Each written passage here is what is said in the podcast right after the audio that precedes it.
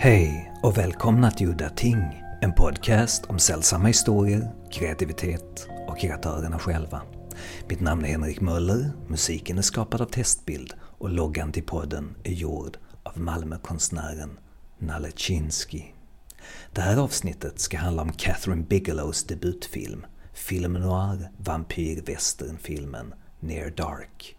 Catherine Bigelow är idag mest känd för den vanliga publiken som den första kvinnliga vinnaren av Oscar för bästa regi för sin film Hurt Locker.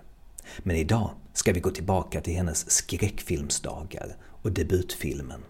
Filmad 1987 direkt efter filmen Aliens så använder den tre av den filmens mest karismatiska skådespelare. Bill Paxton, Lance Henriksen och Jeanette Goldstein. Med ett soundtrack av Tangerine Dream så är den en delvis bortglömd, ett delvis bortglömt guldkorn.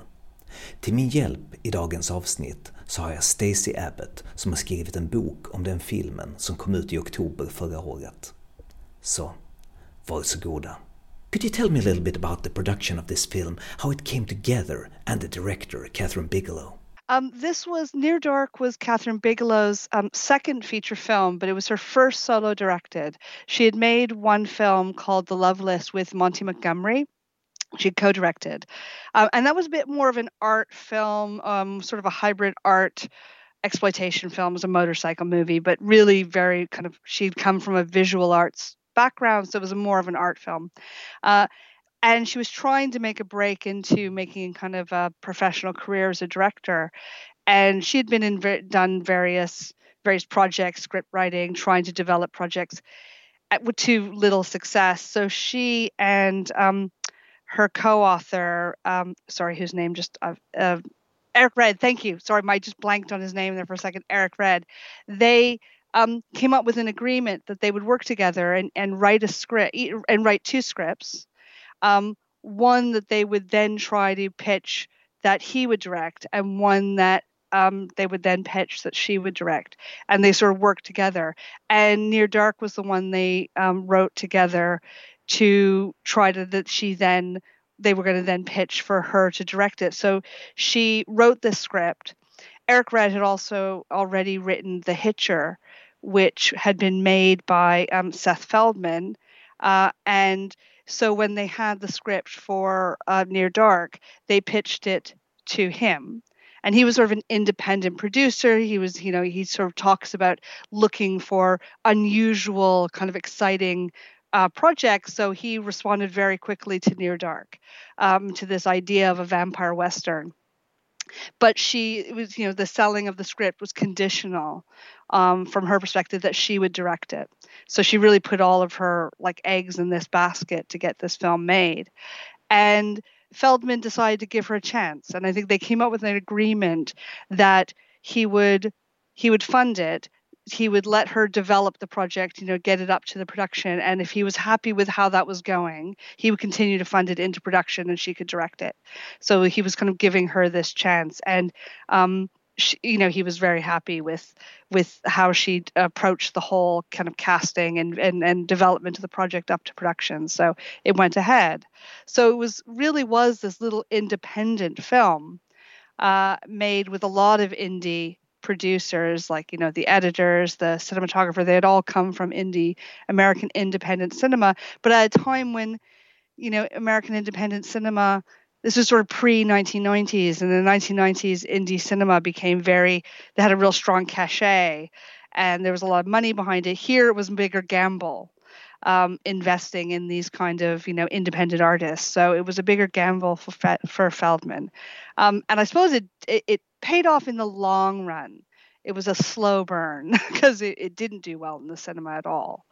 Um, it kind of came out and got lost in the shuffle, partly because it was this little independent cinema, little independent film with very little money behind it to um, promote it, uh, and so it kind of came and went in the cinemas. It was in the cinemas for about four weeks, uh, making very little money, and then vanished until it came out on video uh, and then on video is where it's found its audience.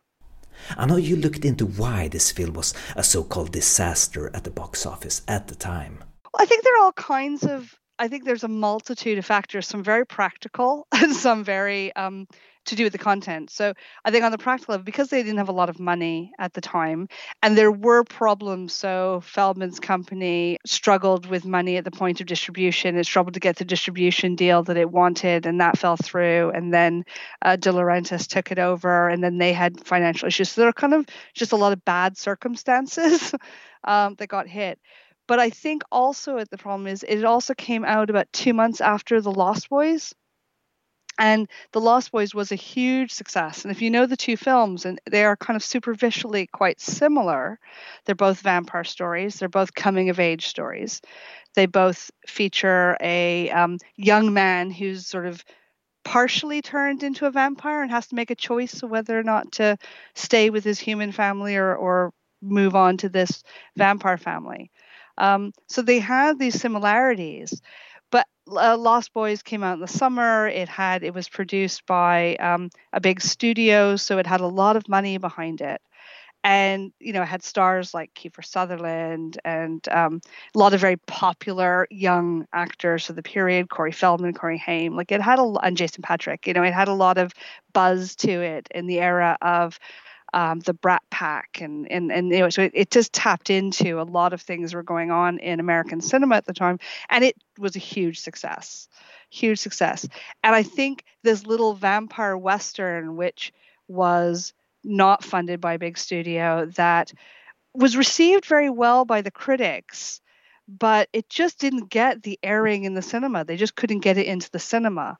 Um, so it kind of got lost in the shuffle, in the shuffle. And so I think and I think people, and also I think the marketing team didn't really know how to market it because they put it brought it out at Halloween and they tried to market it as a much more mainstream horror film, and it doesn't really fit into this. It's a sort of odd romance road movie vampire western. You know, it just it just it just didn't fit um, with the kind of time period, so it kind of got lost in the shuffle.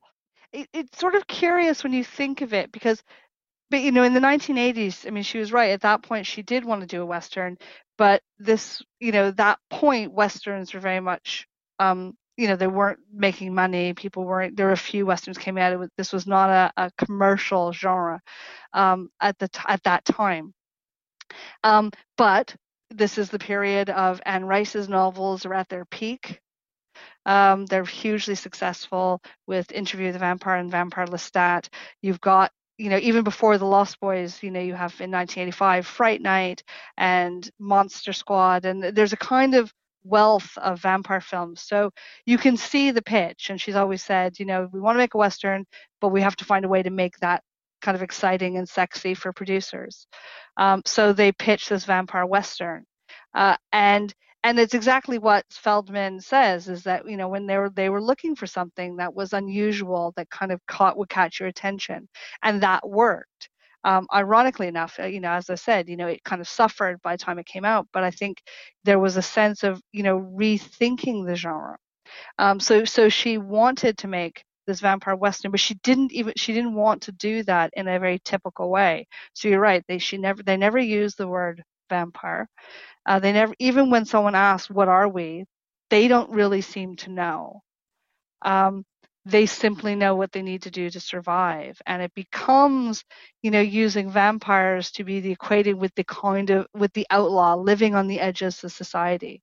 So um, I've always seen this film as a kind of even further of a hybrid, sort of a hybrid of a Western road movie, because all of which is about, you know, are about communities who are living on the periphery of society or just be outside of civilization um, and the kind of inherent violence of these spaces and, and dangers so it for me it, you know that that rethinking of vampire along the lines of being this outsider an outlaw a criminal um, works really well with how they reinvent the genre. So there's none of the traditional vampiric conventions you would get. So no crosses, no garlic, no castles. It's you know you put your vampires in the worst possible place for them in the middle of the Midwest in deserts and in very sunny places where they're constantly on the run from the sun. The sun is the only thing they hold on to. Um, the vampires don't have fangs. They use weapons. They use whatever is convenient but they do have a brutality. Yeah, and, and enjoy it. I think that's the other thing she brings to it is showing the degree to which they just enjoy the kind of nihilism and the violence of their existence. Let's get into the cast and the brilliant choice of the actors, especially the big three from Aliens. Kathryn Bigelow had an idea to take um, at the center of the film three actors who had worked together before. Because the film is about a kind of family of vampires, she wanted to to sort of almost like import a family, a pre-existing family. So she cast three actors from James Cameron's Aliens: um, Lance Henriksen, Jenette Goldstein, and Bill Paxton. Uh, and they were kind of the kind of star casting, even though they were hardly like big name people, but they were very recognizable at the time of making this film from Aliens. Uh, and that was kind of a key element to this film, to bringing them in. And I think it works really well that they be, have this real strong sense of unity. So you have those three at the center. Then around them, you have um, uh, Adrian Pasdar and Jenny Wright, who were quite unknown at the time. Um, uh, and you know had worked a little bit. Jenny Wright was in St. Elmo's Fire, um, you know, in a small role, but neither had been in anything too hugely well known. So I think she wanted a kind of unknown, a large unknown cast in the leads. And then on top of that, then we have Joshua Miller, who plays the young Homer, um, who was relatively well known, or to a degree uh, well known from the film River's Edge, which was this little indie teen film, very dark teen film from the 80s. And so she kind of pulled together these kind of curious mix. You have three actors from what is really big, like blockbuster science fiction film, these sort of two unknown actors, someone coming from an indie film. And I think they kind of coalesce really nicely in this film um, as this kind of strange family of vampires. I mean, you alluded earlier to uh, to Lance Henriksen. Lance Henriksen has great stories, um, and his anecdotes that come up a lot are fun about, um, particularly the degree to which I think one of the things that stood out is that um, because they're shooting this on location and at night, the characters are very much living the kind of um, outlaw world that they were depicting. They were all staying in motels on in the middle of nowhere, on the outskirts of cities. Um, so, and they were very isolated. And I think in particular for our the three main vampires, Lance Henriksen, Bill Paxton, and Jenette Goldstein, they they did kind of it became very methody in terms of just how immersed in this uh, these characters they they played. So you hear great stories about you know them still going out um, after the end of shooting out together in costume um, still dressed in full vampire mode. And if you again if you haven't for those who haven't seen the film i mean you know they're not dressed in gothic. They're no, they're not remotely dressed as typical vampires. They're kind of you know you know lance henriksen wears the big kind of spaghetti western duster. He's got long hair and a ponytail. He's got these really long, gnarly um, fingernails. Bill Paxton is always in, in full leather, but he's usually they're usually sort of half their skin is burned, become getting the characters getting caught in the sunrise. So they always looked really sort of dirty, messy, and kind of scary. and they tell great stories of going out and kind of fostering their characters by living these characters outside of, of the shoot. So Lance Henriksen tells a great story about going, he and Bill Paxton driving to another town and getting pulled over by the police and because they were speeding and him kind of in full character challenging the police officer and just staring him down and the police officer being quite uh, you know frightened by him because he was just so immersed in living this character these these roles. And because they were just living outside of the normal world they were just living these these roles 24/7 because that's cuz they were you know they would finish shoot go back to their own motel rooms all together living in this kind of strangely vampiric world. So it, i think it's a really great production story of a very bonding experience. Um, uh, but a but a very disturbing bonding experience, I think.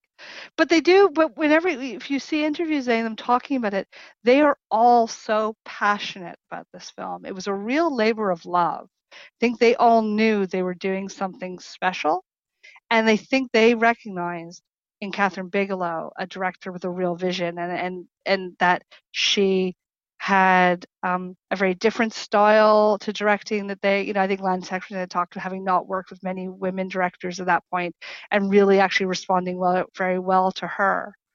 But that she was, but that they recognized that they were making something um, quite unique and that, you know, she would go far, which is nice. Yeah. And I suppose one of the other things that I came across when I was researching this, not so much about the film, but about, again, going back to how people receive it, I was really fascinated by the ways in which critics responded to Bigelow as a director, particularly as a woman director. Um, and one of the things that, you know, having read sort of 20 plus or 30 years worth of articles about her and interviews, um, even up to quite recently, um, it's surprising the degree to which people comment on her gender, comment on how unusual it is seemingly for a woman to make um, action films and horror films, and to comment on her appearance, which I found really interesting. That actually we can't seem to talk about a female director without describing her. Um, so I, I, got to the point where I would read all these things, and I said, if I read one more interview or review that describes her as willowy, you know, I'm going to scream because so many people just commented on her appearance in a way that I think is really um, interesting and, and quite surprising from 21st century eyes. You look back and think, how is it we can't escape that and, and not find it odd that she, particularly because of how she looks, is making this kind of work. I know Bigelow had to prove herself on this production, and she was threatened that if she fell behind schedule or did not fit a role as the director, she would be replaced within the first five days of shooting. She she was it was made on a very tight schedule. Um, they had some problems because they were originally going to shoot in um, uh, now I can't remember. I think it was Oklahoma, and then they had there was floodings, and they had to change at the last minute to where they were going to shoot. So there it was a very tight schedule um, in terms of how they were working. And it was shot over about 40 days, uh, most of which were night shoots. So it was a very tough shoot. Um, and a lot of the film, if you've seen the film, a lot of the film shot at magic hour, which is that time of day um, at at sunrise and sunset when the sun is just below the horizon and you get a very beautiful golden light. But it means it's a very restricted time of day to shoot. You have a very limited time, and if you don't get the shot, you can't, you know, you have to wait till the next day. So it's very, it's, it's, she set herself a lot of challenges in making this film. A big part of it was trying to create a sense of, of unity and teamwork. And one of the things, one of the curious things she did um, in in preparing and helping them prepare because again it's a very like as you say it's a very it was a very tight shoot she had very little time to make it but she gave them a kind of uh, some time to prepare, and she created what she referred to as Vampire Boot Camp, where she got her group together and set them tasks to kind of work together as a team. And it, um, in the film, um, because these characters are always trying to escape the sun's the sunrise or sunset, like the sunshine, they're often on the road trying to kind of you know cover up windows, prepare themselves, protect themselves the sun, she would set them um, work to work as a team and learning how to black out a car or a van and and record time, and she would time them. And so she would just give them the tools they need and say, okay, you need to block out all the windows and everything and protect yourself. And they had to do this over and over and over again. So they would learn to work together as a team. So I think that was a really key bit of, of training um, and an unusual kind of thing. Something she then went on to do again in um, K19, which is a submarine movie, again, about groups of people having to work together. And she kind of created this kind of boot camp scenario with trying to get people to to learn kind of almost develop muscle memory of knowing how to work together without someone having to tell you what to do just you could just get in a car and do what you need to do to protect yourself from the sun So she was a very, uh, she was very, she was a very, um, she is, and on this film was a very active, very, it was a very physical training and and and process of making this film. Um, this, you know, as I said, it was a tough shoot. It was, you know, it was exhausting. Uh, it was things like it was, it was shot in the summer, but it was a very cold summer. So they had to do work really hard to conceal the fact that it was actually very cold as they all sit around their t-shirts and, and Jenny Wright in particular talked about really struggling, you know, with trying to look like she's not she's supposed to be a vampire, she's not supposed to have any breath. but she's kind of obviously it's cold, so she's you can see her breath, and they had to come up with lots of technical um, te- ways of getting around that, particularly ice cubes um, under your tongue when you're in the in scenes, which stops the breath from appearing. This is pre, pre the days of, of CGI where you could just digitally erase things like that. You had to come up with very practical solutions.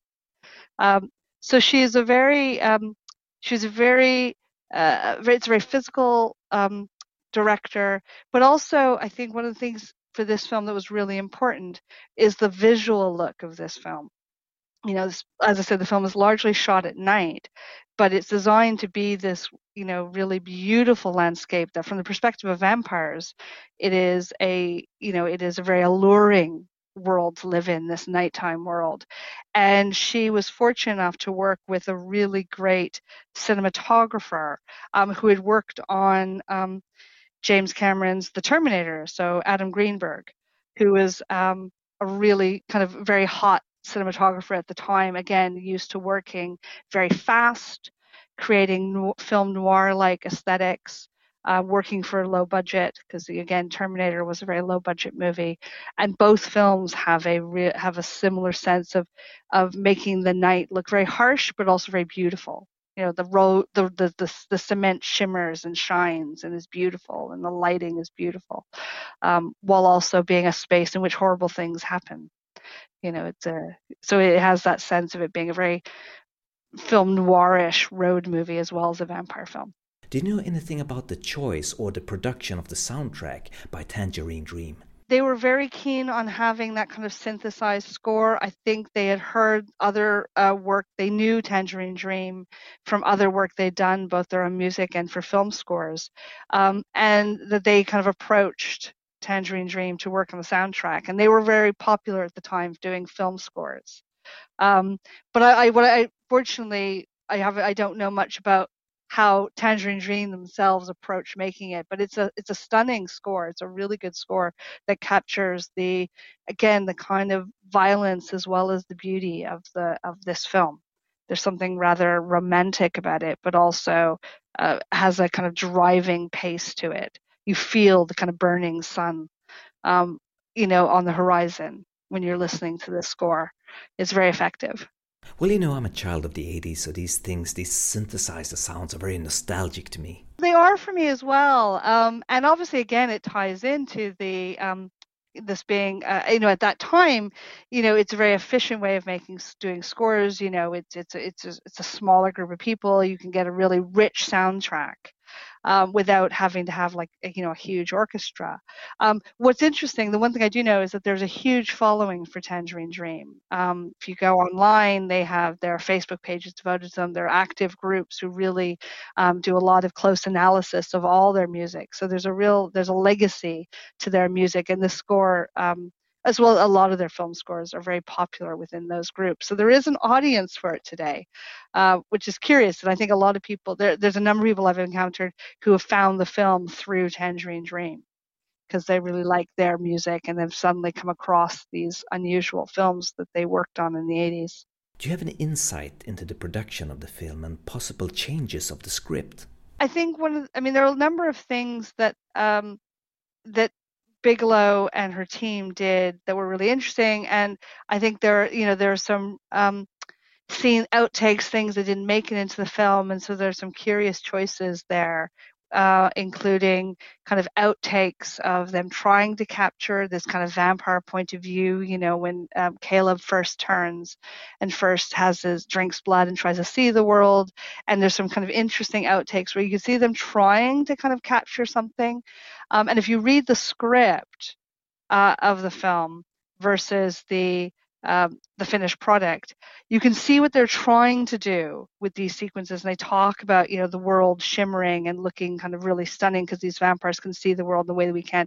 And you can just see when you look at the footage they shot, which didn't make it into the film, you can see this kind of struggling to try to to to live up to that. And they eventually removed it because I don't think they just couldn't make it stand out in the way that they wanted to and actually the suggestion is more powerful than them trying to capture it in a way withholding their point of view. So what you get is a lot of shots of them looking but not we don't see what they see and i think it ends up working better that way. Another curious thing that about it was the ending of the of if you read the um, scripts and the shooting scripts for the film the ending is quite different uh, and in the original, I don't know if we're worried about spoilers here, but in the original, yeah, in the in the original um, script, um, Caleb was, you know, supposed to find, you know, this film introduces the idea of a vampire cure, the transfusion can lead to a cure, and it ends with Caleb you know, transfusing his his now human blood back into May so that she is cured of her vampirism. And it ends with her the two of them going out into sunshine and being all happy uh, and wonderful and it's a very happy ending. And but what you get is the younger sister um, in the shadows of the door um, looking at them going and then stepping outside and her skin begins to burn.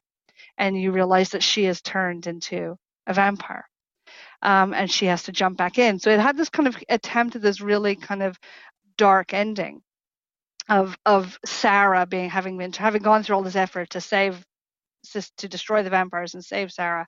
Um, Sarah gets turned into a vampire. Um, and they didn't and and what I've never been able to find out is any discussion of why they didn't go with this.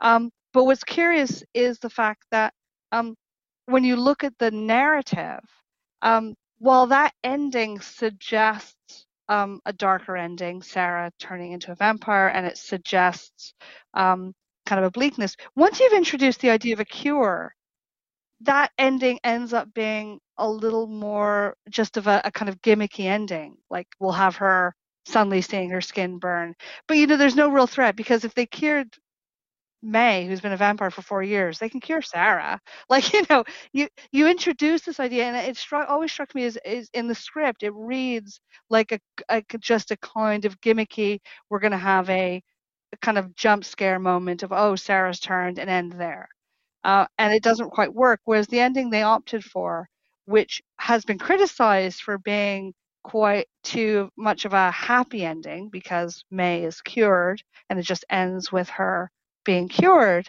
for me that sequence the way they shoot it is really important because we don't see may and caleb going out of the barn out into the sunshine happy and her being delighted with being human.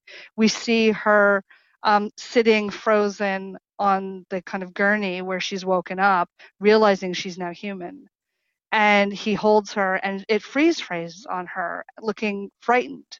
So I've always found that actually um, you know, a very kind of not a bleak, but a kind of very serious ending where I'm going, I'm not sure it's that happy. Is this happy for her? Is she happy not to be a vampire anymore?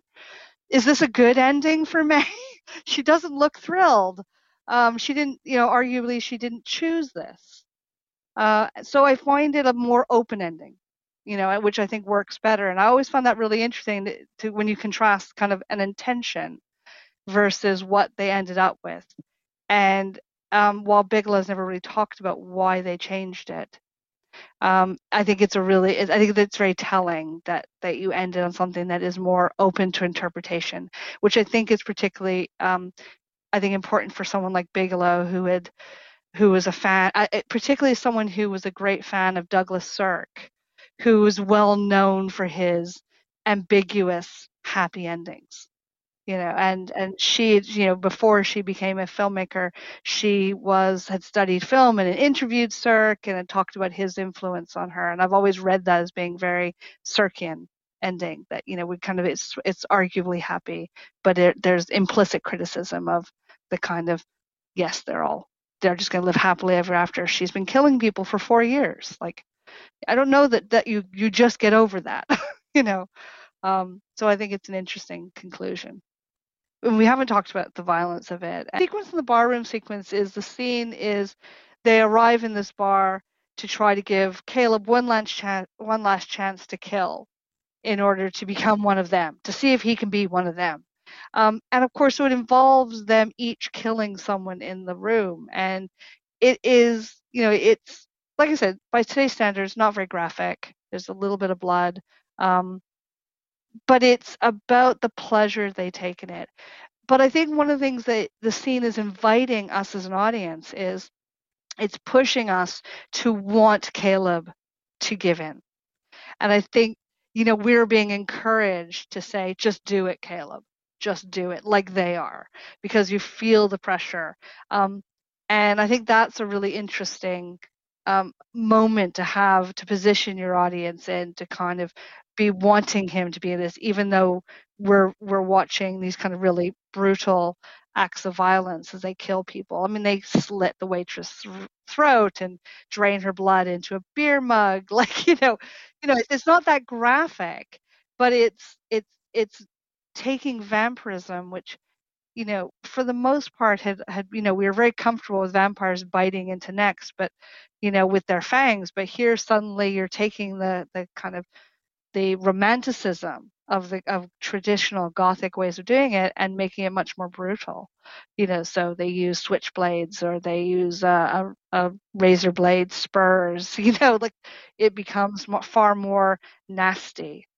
Uh, um, and more westernized because they're using weapons associated with the western.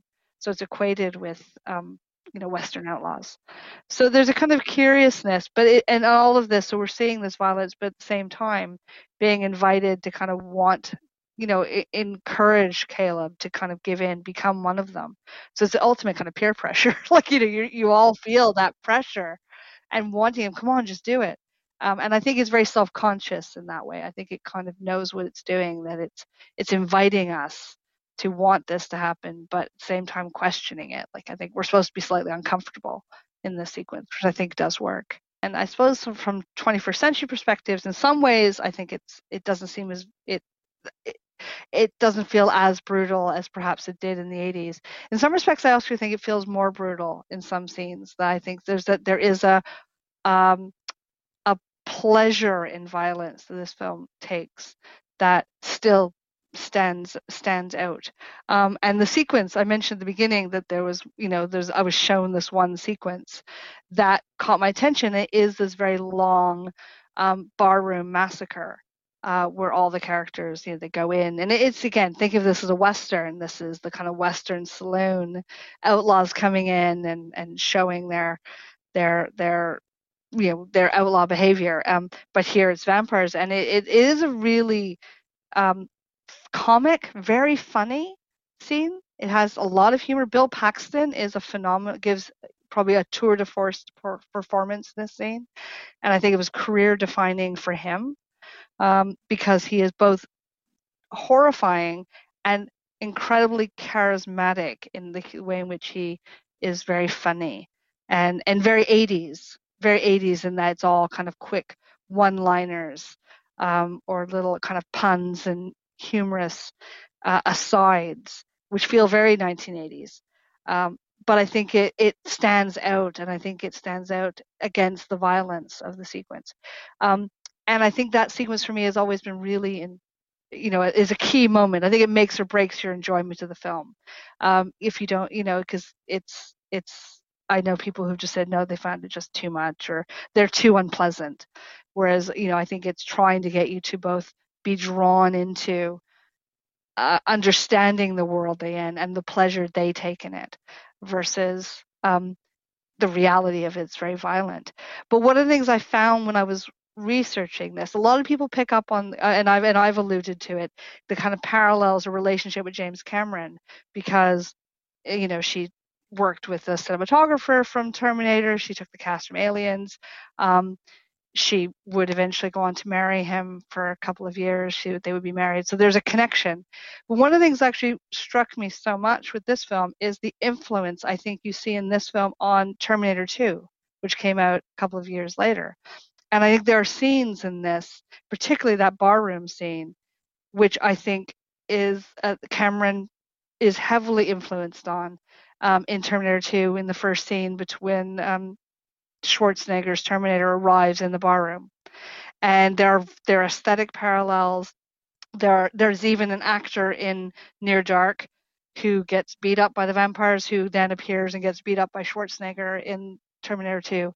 So there's a kind of curious two-way relationship, which I find really interesting, which often I think people think of it as being what unidirectional um, that she was influenced by Cameron, but I think you're seeing a lot of dialogue between the two, and that he was as influenced by her. I spent a lot of time looking at the different because the film did so badly in the cinema. I was curious about its reception, and I was really fascinated by the division of critics on this film. Some people did recognize it right from the start as being something that was like this exciting new voice of cinema. Like you know, there was a there were certain critics that, that kind of got it. Um, but I was fascinated by the number of people who were completely dismissive of this or really um, and found it far too violent and really you know disturbingly violent.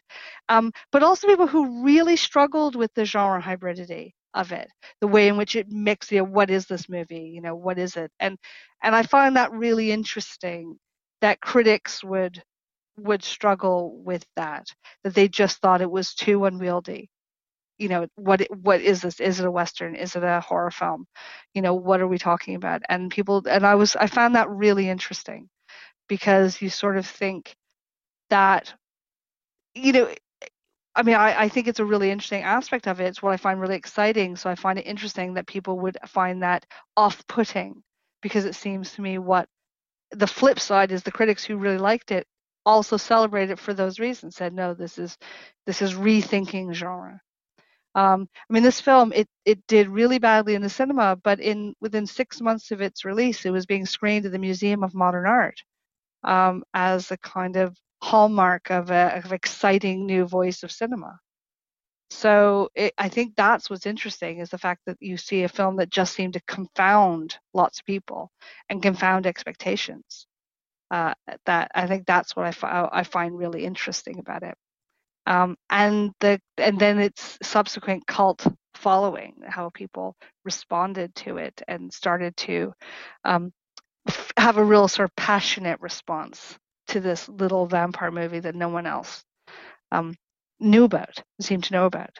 Uh, in fact, even now, like I, the people I've talked to since the book came out, you know, people are kind of you know really excited someone's talking about this film i've always loved this film you know i need to go back and watch this again or people were coming to it for the first time are really are still taken back by it which i think is interesting Ja, det var allt för den här gången. Mitt namn är Henrik Möller. Musiken var skapad av Testbild.